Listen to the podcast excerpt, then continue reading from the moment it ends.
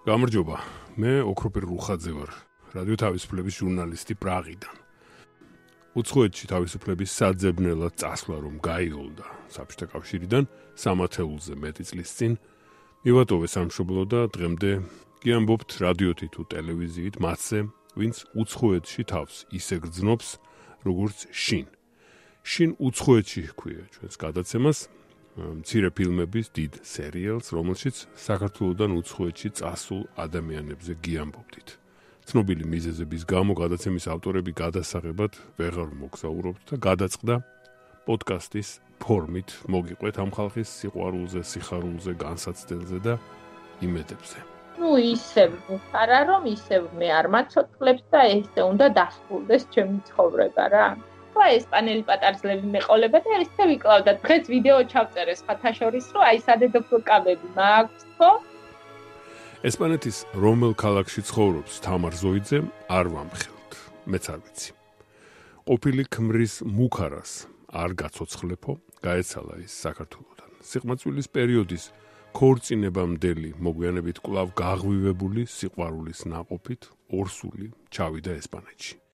ჩავბარდი პოლიციას როგორც გენდერული ძალადობის მსხვერპლი, ესე ქვია, ვიოლენცია და ხენერო, ესე საკმაოდ რთული იყო. წამოვედი თანხით, იმიტომ რომ დანაზოგი რაც მქონდა, მანქანა გავყიდე, ფარკი გავყიდე, წამოვედი და რაღაც პერიოდი მეყოფა თქო, მაგრამ 8 დღეში მომცეს დაბუთები. მე რო ჩამოვედი, წამოვიღე სასამართლო გადაწყვეტილება. გადათარგმნა სამინისტრომ თარჯიმანმა გადათარგმნეს ბეჭედ დარტყმული ჩამოვიდა მადრიდიდან და პლუს მქონდა ეს სატელევიზიო შოუებში რაც კი მივიღე მონაწილეობა ამ თემასთან დაკავშირებით და ძალიან ყოფმანობდი როცა შემომთავაზეს მაგრამ აქ ძალიან გამომადგა ეს ყველაფერი შეიძლება და გამოსულიყო. მიუხედავად იმის რომ ერთხელ დანით დამჭრა და იყო მომსწრე ჩემი მეგობარი და ერთიც ფეხზე ღიაჭრება მქონდა მაშინაც იგივე ჩემს გარდა ერთი გზა გაქვს მიწაში. აი ესე გამოგჭრიყელს ანუ ერთი და იგივე ის თითქმის რაც ახასიათებს ყველა მოძალადეს და მუხარები ხო ციხიდან რო რო გამოვალ მე მართლა მოკლავ. მეტი დასტური აღარაფერი იყო საჭირო ესე მითხრა ადვოკატმა რომ ამ ყველაფრისთვის ორი წელი და 6 თვე მიუსაჯეს მხოლოდ. ჩვენთანო დაღლს რო დაუყირო ამ ხელასაშჯელსო იმაზე იძლევიანო და საიდან ჩამოხვედიო გაგიშთენო ჩემი ყოფილი მეუღლე სწავლობდა სასჯელ აღსრულების დეპარტამენტის 2019 წლის ივლისის ბოლოს მე ივლისის დასაწყისში დავტოვე ქვეყანა, რადგან ყოფილი მეუღლე პატიმრობაში იმყოფებოდა ჩემს გამო, დალადობის ფაქტის გამო და ციხიდანაც გრძელდებოდა მუხარები და ამიტომ იძულებული ვიყავი დამეტოვებინა ქვეყანა. და სხვათა შორის, როცა გამოვიდა ციხიდან, ვიცოდი რომ აუცილებლად მომძებნიდა. აა, რადგან იქ ვერ გვიპოვა ალბათ ერთად, შემდეგ სოციალურ ქსელში დამიკავშირდა და ისევ გაგრძელდა მუხარები და რამდენიმე შენახულიც მაქვს მოწერილიც, რომ ნუ აღარ მინდა უკვე მაგის თქმა. გიგებია. არა, არ არის იური, ხო, ამაზე ლაპარაკი. მაგრამ ну ისევ მუხარა რომ ისევ მე არ მაცოცხლებს და ესე უნდა დასრულდეს ჩემი ცხოვრება რა. თამარზოიძე შიშმა აიძულა წასულიყო საქართველოსთან. დღეს გონებაში გაატარებს ხოლმე მაშინდელ ამბებს. იმედიც კი ჰქონდა რომ კაც მრისხანება გაუვლიდა, დამშვიდდებოდა, მაგრამ ეს არ მოხდა. არაფერი დაუშავე, ჩემი ყოფილი მეუღლე მიზეს ვერასოდეს ამბობდა, რას მერჩოდა, რას მემართლებოდაო. მიზეთი იყო მასში, უბრალოდ არ ვიცი, ანუ არ იყო რომ მე რამე დამეშავებინოთ, არც ეჭვიანობის საფუძველი ქონდა, არც რაღაც პრობლემები ჩემს მიმართ არ იყო, რომ ეს ყოფილიყო მიზეთი.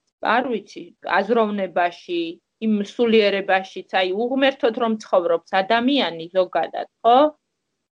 ბოროტდება მერე. შეიძლება იმიტომ ძულდე და იმიტომ დაგიშაოს რამე რომ შენ რაღაცით მასზე წინ იყო, მეტად აქტიური იყო, მე ვიყავი აქტიური მაგალითად ყოველთვის. მუშაობდი დილიდან, ხან იყო რომ ღამე 3-ზე 4-ზე მივდიოდი სახში, რომ მუშაობდი, მუშაობდი, არ ვიცი, არა ადამიანურ რეჟიმში მუშაობდი მართლა. და თვითონ მუშაობდა, უწევდა მუშაობა თქვენს მეუღლეს? ჩემს მეუღლეს თანაცხოვრების პერიოდში არ უმუშავია ერთი დღეც კი. არავინ არ იყო ჩემი დამხმარე ამ 5 წლის მანძილზე, არც ფინანსურად, არც ფიზიკურად სახში, მისი მშობლები არ ცხოვრობდნენ საქართველოში. პირველი რამდენიმე თვე იყო, ну დაახლოებით ერთი წელი, რომ ფინანსურად ეხმარებოდა მშობლები, მაგრამ ну ისინიც დაიღალნენ ეთყობა და შემდეგ მხოლოდ მე. და იქნებ ეს იყო რაც მას თრგუნავდა რომ რაღაცა თქვენ გიწევდათ მუშაობა და ის ვერ გძნობდა თანასწორუფლებიან პარტნიორად. თრგუნავდა და აგრესიაც ალბათ იყო მაგიტომ მაგრამ ეს ხო ჩემი დანაშაული არ იყო. აი ხშირად მაგაზე მქონდა ბევრჯერ საუბარი რომ დედები აშავებენ ძალიან ბევრ. მე რომ გავყევი პირველი სიტყვები რაც მითხრა ეს ჩვენ რაღაც მოვრიგდით ესე გარიგებით შევქმენით ოჯახი.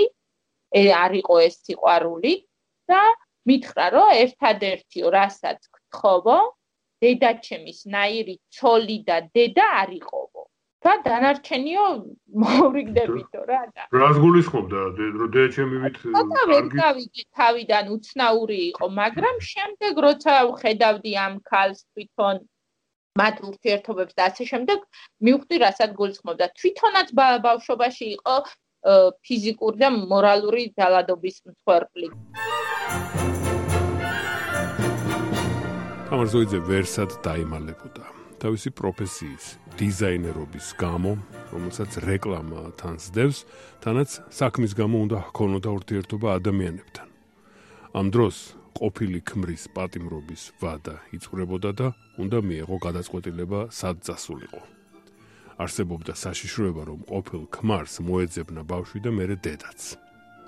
რის იმედად წავიდა ის ესპანეთში და რატომ ესპანეთში?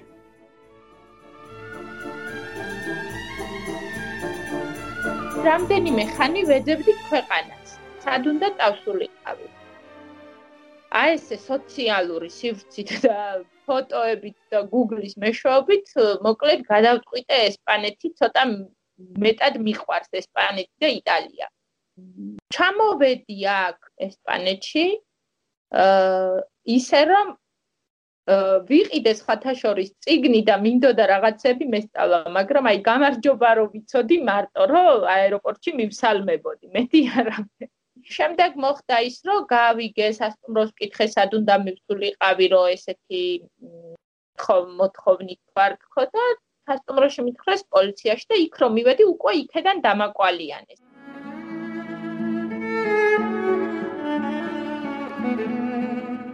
მე მადლიერი ვარ უფლის რომ ძალიან მცირე ასაკში მოხდა ჩემ ცხოვრებაში რომ შემეცნო უფალი და რატო? ქონდა ჯანმრთელობის პრობლემები და ორჯერ იყო ისეთი შემთხვევა რომ ქონდა სიმსივნე ხერხემალის ფესვზე და ძალიან ცოტა იყო ჩემი გადარჩენის შანსი. და 100-დან ალბათ 0.5% იყო შანსი იმისა, რომ მე ფეხზე გამერიო.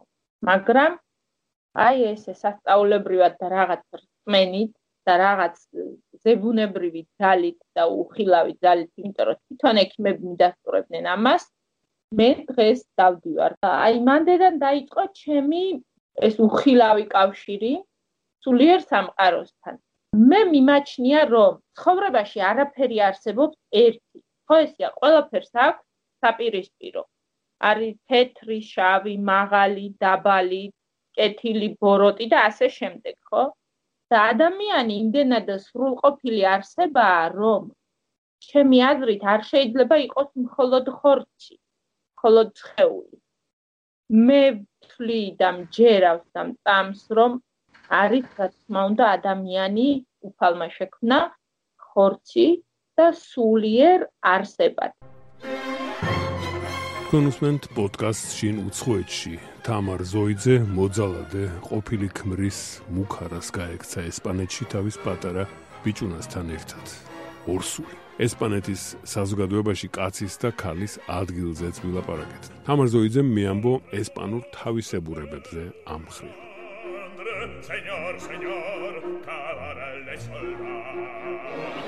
Mille torrero, e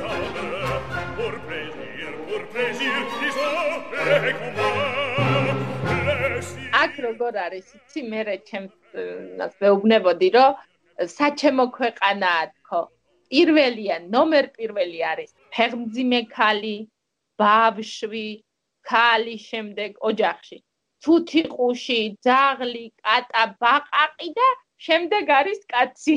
უკვე ეს ესპანელი ესე იგი ამაყი კაცები ასე ბოლო ადგილზე არიან კი უკვე ისე ისე არიან ვინც იცის და დამერწმუნება და შეგიძლიათ მოიძიოთ.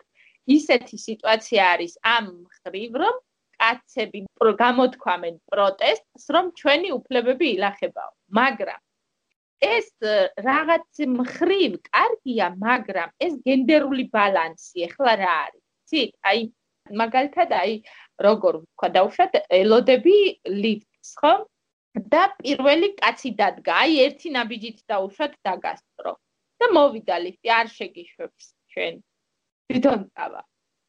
თუ გინდა იყოს ხალი მოხუცი კოჭლი ბავშვით ორსული არა აქვს მნიშვნელობა. ეს არის გენდერული ბალანსი. მოვიდა ის თავისია ჩვენ ვართ დადასტურებული. ხუთები ან რიგში ჩვენთან ხო არის მაგალითად რომ გაატარებს ან ორსული ან ჩვილი ბავშვით არა? ეს რა ქვია ხარებთან მებძოლი კაცები სად არიან? აღარ არიან? ეს რა ქვია მამაცი? თოლი კაცები არის მხოლოდ შოუ, როგორც ჩვენთან საქართველოში უკვე შოუდ გადაიქცა რა, აი კაცად მოაქვს თავი და სინამდვილეში არ ვიცი. ალფონსებით არის ავსე ქვეყანა და არ არის ეგრე ხო? თუმცა იქნებიან ახლა როგორც ამბობენ ისეთი ძალიან მეოჯახე და ტრადიციული ისეთი ხალხია კულტურული და რა თქმა უნდა. ხანების უფლებები მეტობს და ძალიან ბევრი პრინციპი აქვს ქალს. იმ სიტუაციაში რაშიც მე ვარ მithumetes აი ყველა კარი შენთვის ღია ყველგან ესე რომ ვთქვა ჟარგონ ყველგან მწვანე გაქვს რა ეს ტიტული ტიტულს ეძახიან ანუ როგორ ვთქვა წოდება მომცეს გენდერული ძალადობის მსხვერპლი ცალკე საბუთს გაძლევენ და ყველგან ან ძალიან ძალიან ბევრი დახმარებებია არ ვიცი. და სხვათა შორის ეხლა შემომთავაზეს და ვაპირებ რომ აქ დავაფუძნო საქველმოქმედო ფონდის სახელით ძალადობის მსხვერპლ ქალთა დახმარების ორგანიზაცია. რეგიონული თუ თქვათ მთელი ესპანეთის მასშტაბით? ანუ მინდა ზოგადად დავარეგისტრირებ და თუ შევარჩევ ქართულ გოგონებს ვისაც ვენდობი მეყოლება სხვადასხვა გუბერნიებში წარმომადგენელი. კი მთელი ესპანეთის დავეხმარები როგორც მიგრანტებს ჩამოსულებს ქალებს ვისაც აქვს ჩემი მსგავსი პრობლემა ასევე აქაც არიან ძალადობის მსხვერპლი ქალები გასულ წელს 51 ქალი მოკლა მეუღლე. აქ.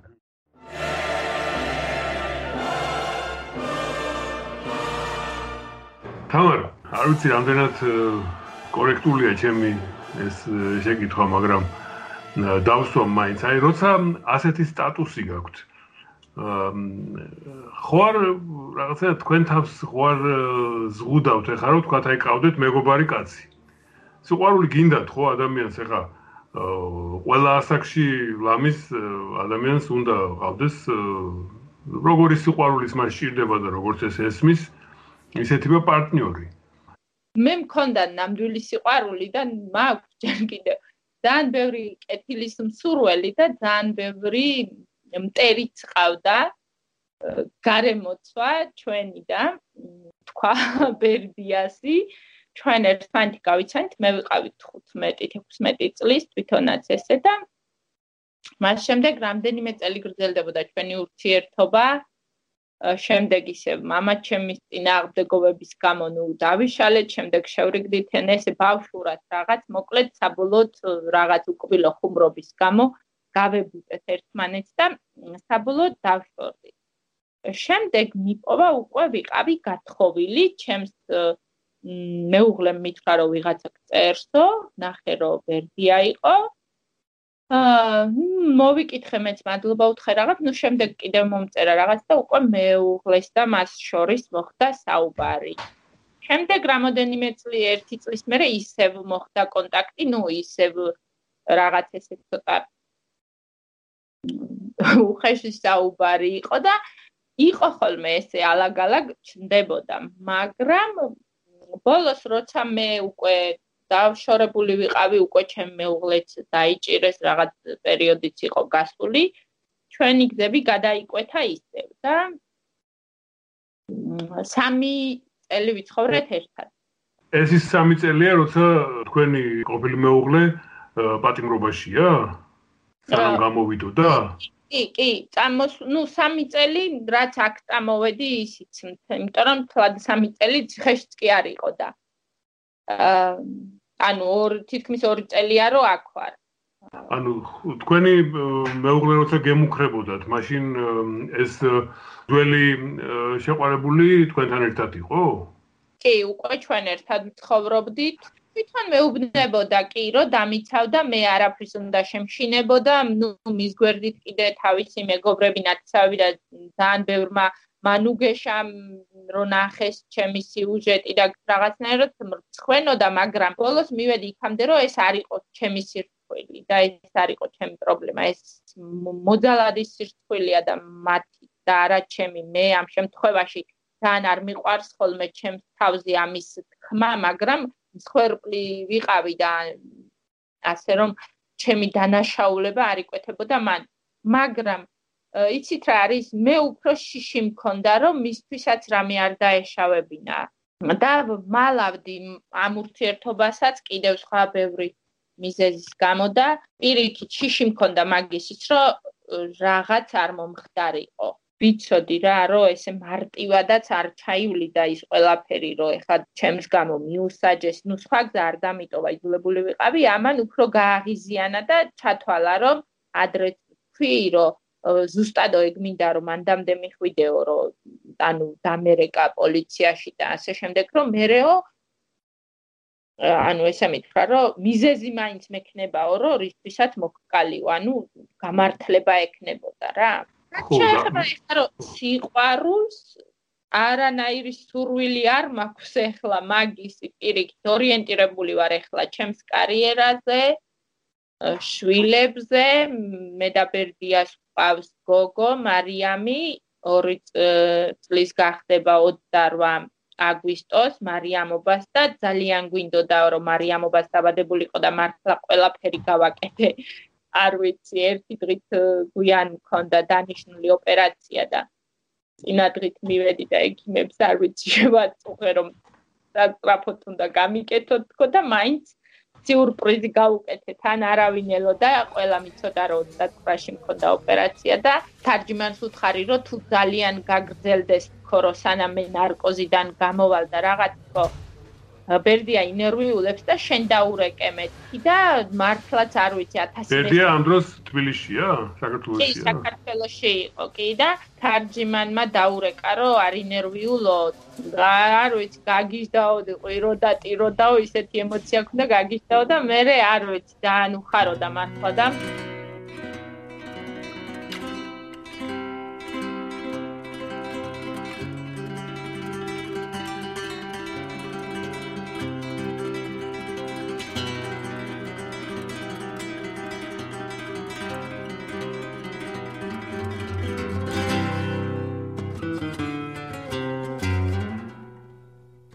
ჩემი აზრით დრო დამანძილი გზნობებს არ ცვლის.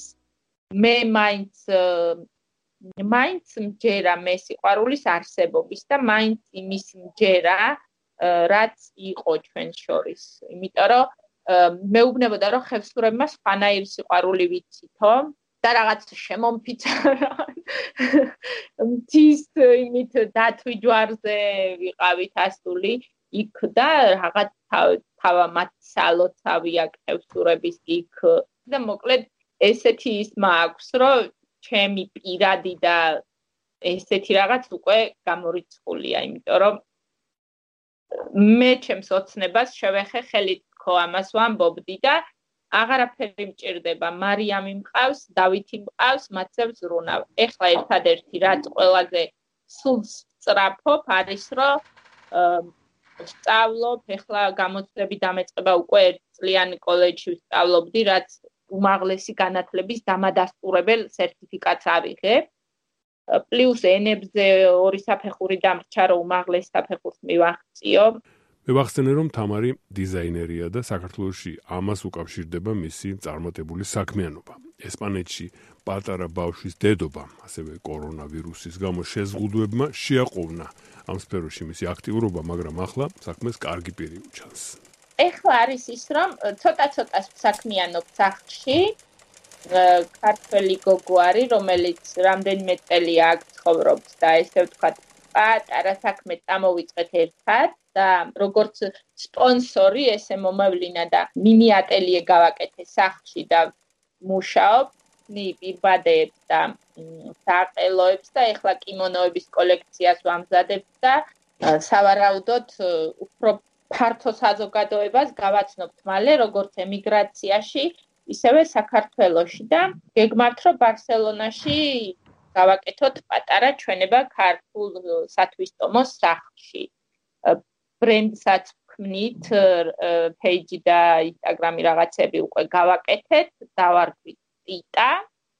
ეს ერთი რაც ჩემ ჩვენთვის ესე ინდივიდუალურად და რაღაც ჩემს მას გავაგრძელებ და ჩემმა მეგობარმა მომაწოდა აკაურმა მეგობარმა ესპანელმა გოგომ განაცხადი რომ ძალიან ერთ-ერთ ცნობილი ბრენდი ეძებს დიზაინერს კერავ დიზაინერს და იქნებ მოსინჯოვო ოღონდ არ ამგონიაო რომ უცხოელი საერთოდ ყავდეთ ამ ფირმაში დასაქმებულიო და ეს არის სადედოფლო კაბების ბრენდი როგორც არის პრონოვია, როსა კლარა და შემდეგ და მოკლედ მივედი გასაუბრებაზე რაღაც ესე ამათვალიერ, ჩამათვალიერეს კარგად შემდეგ მე საუბრენ რომ ენას რა დონეზე ვფლობდი და მოკლედ გადავედით იმ ეტაპზე რომ დამიშვეს სახელოსნოში სამუშაოთ რომ შემოწმებინეთ ხელი ჩემი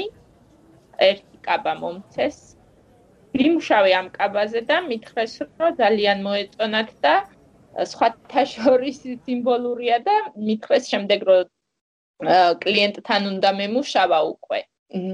მორგება კაბის, ესე ვთქვათ და დღეს ვიყავი და ორი დედოფალს მოვარგე საპატარცო. ანუ ხო, ქორწინდება ვიღაც ხო და იმას იმენა. ჩემი ის არის ეს პიკი არის ეს თეთრი კაბები, იმიტომ რომ ძალიან ბევრი პატარძლები მყავდა მე საქართველოში და ძალიან მიყვარს ყველა აი რაღაც განსაკუთრებული ის არის ეს ზეიმი მართლა და ეხლა ესპანელი პატარძლები მეყოლება და ისე ვიკლავდა დღეს ვიდეო ჩავწერე სხვათა შორის რომ აი სადედოფლო კაბები მაქვს ხო? მეჯვარის კაბებიც მაქვს რესტორნებიც ხია და სიძეს ვეძებ არ გამომრჩეს როგორც იქნა ხატავ დავიწყე სერიოზულად ხატვა უკვე. გამოფენაცაც გეგმა ბარსელონაში და ასევე ერთი ქართველი გოგო არის ლანა ყალიჩავა 8 წლის წინ წამოვიდა ესპანეთში საქართველოსდან ჩამოვიდა 8 წლის წინ და აქ ცხოვრობს აქ გათხოვილია ოჯახით ყველაფერი მოკლედ და მადრიდში არის ესეთი ამერიკულ ესპანურ ესპანურ ამერიკული რესტორანი რესერს მად რასერს მადრიდ ესე ქვია და ამ რესტორანში მიკეთებენ ქართული დიასპორა, საელჩო ეკლესია და ასე შემდეგ გამოფენა გაყიდვას. დაახლოებით მაისის ბოლოს, ივნისის დასაწყისში თუ კორონამ არ შეგვეშალა ხელი, ამას გეგმავ და ჩემთვის მაქსიმალურად ჩემ დროს, ამ ჩემ ცხოვრების ამ ეტაპზე პირველად არის, რომ ჩემს დროს მაქსიმალურად ვიყენებ ჩემთვის და ძალიან მადგება სხვათა შორის. და ყველას ვურჩევ, რომ აი თქვენი სიცოცხლე იცოდეთ რომ მხოლოდ თქვენია და მაქსიმალურად გამოიყენოთ თქვენთვის და განვითარდეთ რაც შეიძლება. ასე დასრულდა ისტორია თამარ ზოიძისა ესპანეთში ქმრის ყოფილი ქმრის მუქარას გაქცეული ქალისა, რომელიც გენდერული ძალადობის მსხვერპლია, მაგრამ ამბობს, რომ სიყვარული მქონდა და მაქსო. ოქროპერ რუხაძე გემშვიდობებით პრაღიდან მომავალ შეხვედრამდე შინ უცხოეთში. ეს არის რადიო თავისუფლების პოდკასტი. ჩვენი მისამართია რადიო თავისუფლება წერტილი GE.